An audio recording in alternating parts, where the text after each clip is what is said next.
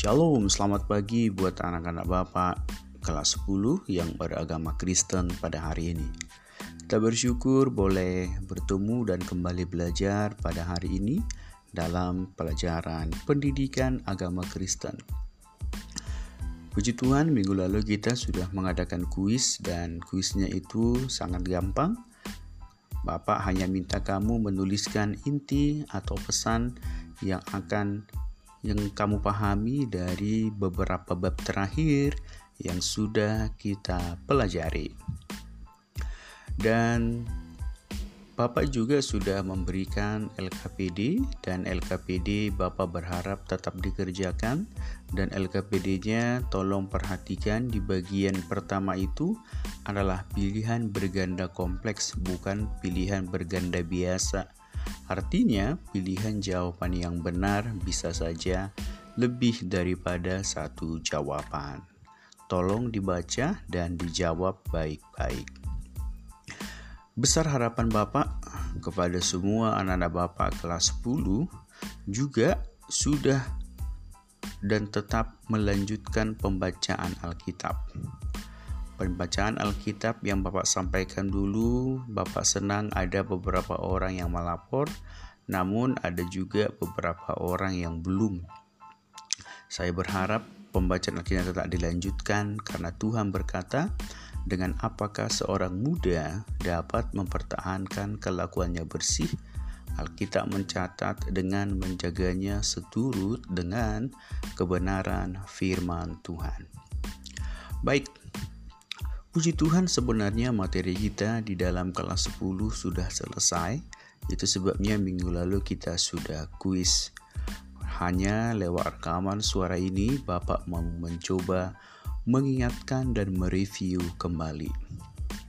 Bapak mau sampaikan, selama kelas 10 kita belajar tentang bagaimana remaja Kristen bertumbuh menjadi pribadi yang dewasa selama semester ganjil atau semester genap maaf semester 1 kita sudah belajar bagaimana kita menjadi pribadi yang diperlengkapi terus-menerus menjadi anak Tuhan yang semakin hari semakin dewasa, semakin hari semakin cinta Tuhan.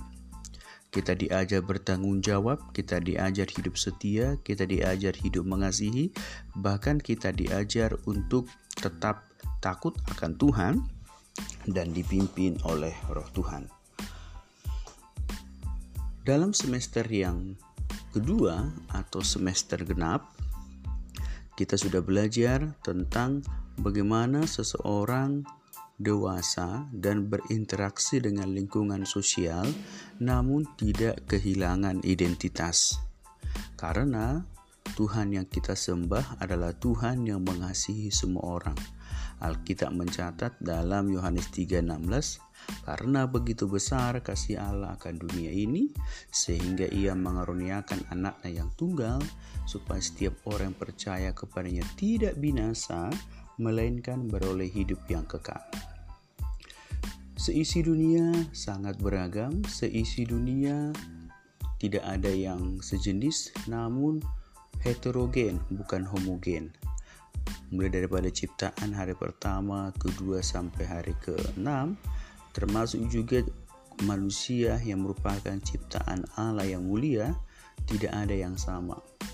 Ini menunjukkan Allah itu menciptakan kepelbagaian, bak pelangi yang berwarna-warni, kelihatan indah dan saling melengkapi satu dengan yang lain.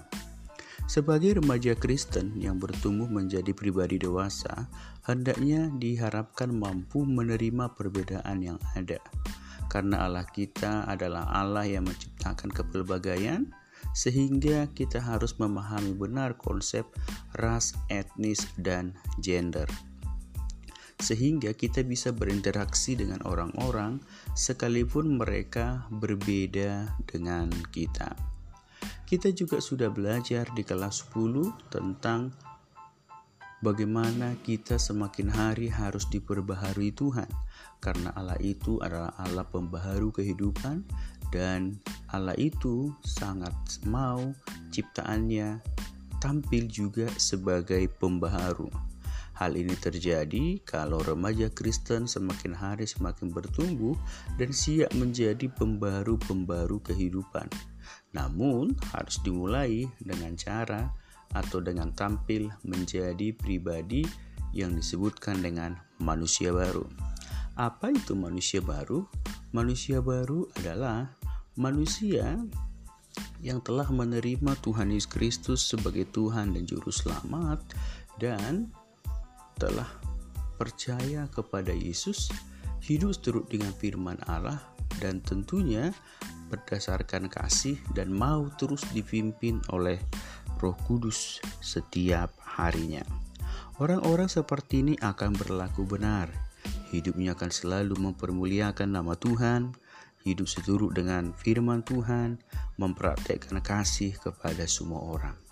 Sehingga kita juga memiliki konsep kasih yang benar kepada semua orang, konsep kasih yang benar kepada Tuhan, konsep kasih yang benar kepada sesama, konsep kasih yang benar kepada keluarga, bahkan konsep kasih yang benar kepada lawan jenis. Kita juga sudah belajar tentang pacaran. Sekali lagi di Alkitab tidak ada kata pacaran yang ada kata tunangan. Konsep kasih yang benar harus kita tunjukkan dengan cara mengasihi pacar, menghargai dia sebagai pribadi yang utuh dan ciptaan Allah yang mulia.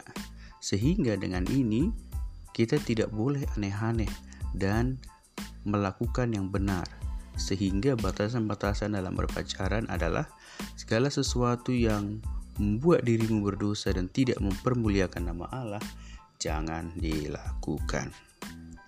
Nah, Ketika hal ini terjadi, maka kita akan berpeluang sekali menjadi remaja Kristen yang memiliki inisiator, remaja Kristen yang memiliki uh, modal yang luar biasa di dalam melakukan pembaharuan baik di hari ini, baik pun di hari mendatang. Beberapa waktu mendatang kita akan menghadapi ujian, jadi Bapak berharap tolong materi ini kamu buat dan hari ini sebagai bukti kamu sudah mengerjakan materi ini, maka Bapak minta Bapak minta kamu dengarkan dengan baik dan buat ringkasan singkatnya dari rekaman suara yang sudah Bapak kirimkan kepadamu. Bapak sengaja membuat rekaman suara karena lewat Zoom bisa saja orang tidak tidak mendengarkannya. Dan hari ini semua rekaman suara ini silakan catat di catatan. Namun ada satu tugas akhir yang akan Bapak minta kamu kerjakan. Apa itu? Tugas akhirnya adalah membuat suatu hal di mana hal itu mengajak orang lain untuk bertumbuh menjadi pribadi dewasa yang benar di hadapan Tuhan, tetap mencintai Tuhan, mempraktekkan kasih. Ajarkan orang lain untuk tetap mengasihi Tuhan karena dia sudah bertumbuh di, bertumbuh dengan dewasa di hadapan Tuhan dapat kamu lakukan melalui slogan, melalui puisi, melalui video singkat atau jenis apa pun. Mungkin hanya kata-kata, tapi isinya adalah ajarkan orang lain untuk mengasihi dan mencintai Tuhan. Sekali lagi, ajarkan orang lain untuk mengasihi dan mencintai Tuhan. Kamu bebas bagaimana mengajak mereka. Sekali lagi, boleh lewat puisi, boleh lewat kerajinan tangan, boleh lewat video, boleh lewat tulisan, atau hal-hal yang lain yang menurutmu memungkinkan. Dan Bapak berharap dalam satu minggu ini, minggu depan Bapak akan lihat hasilnya. Selamat berkarya, Tuhan Yesus memberkati. Shalom.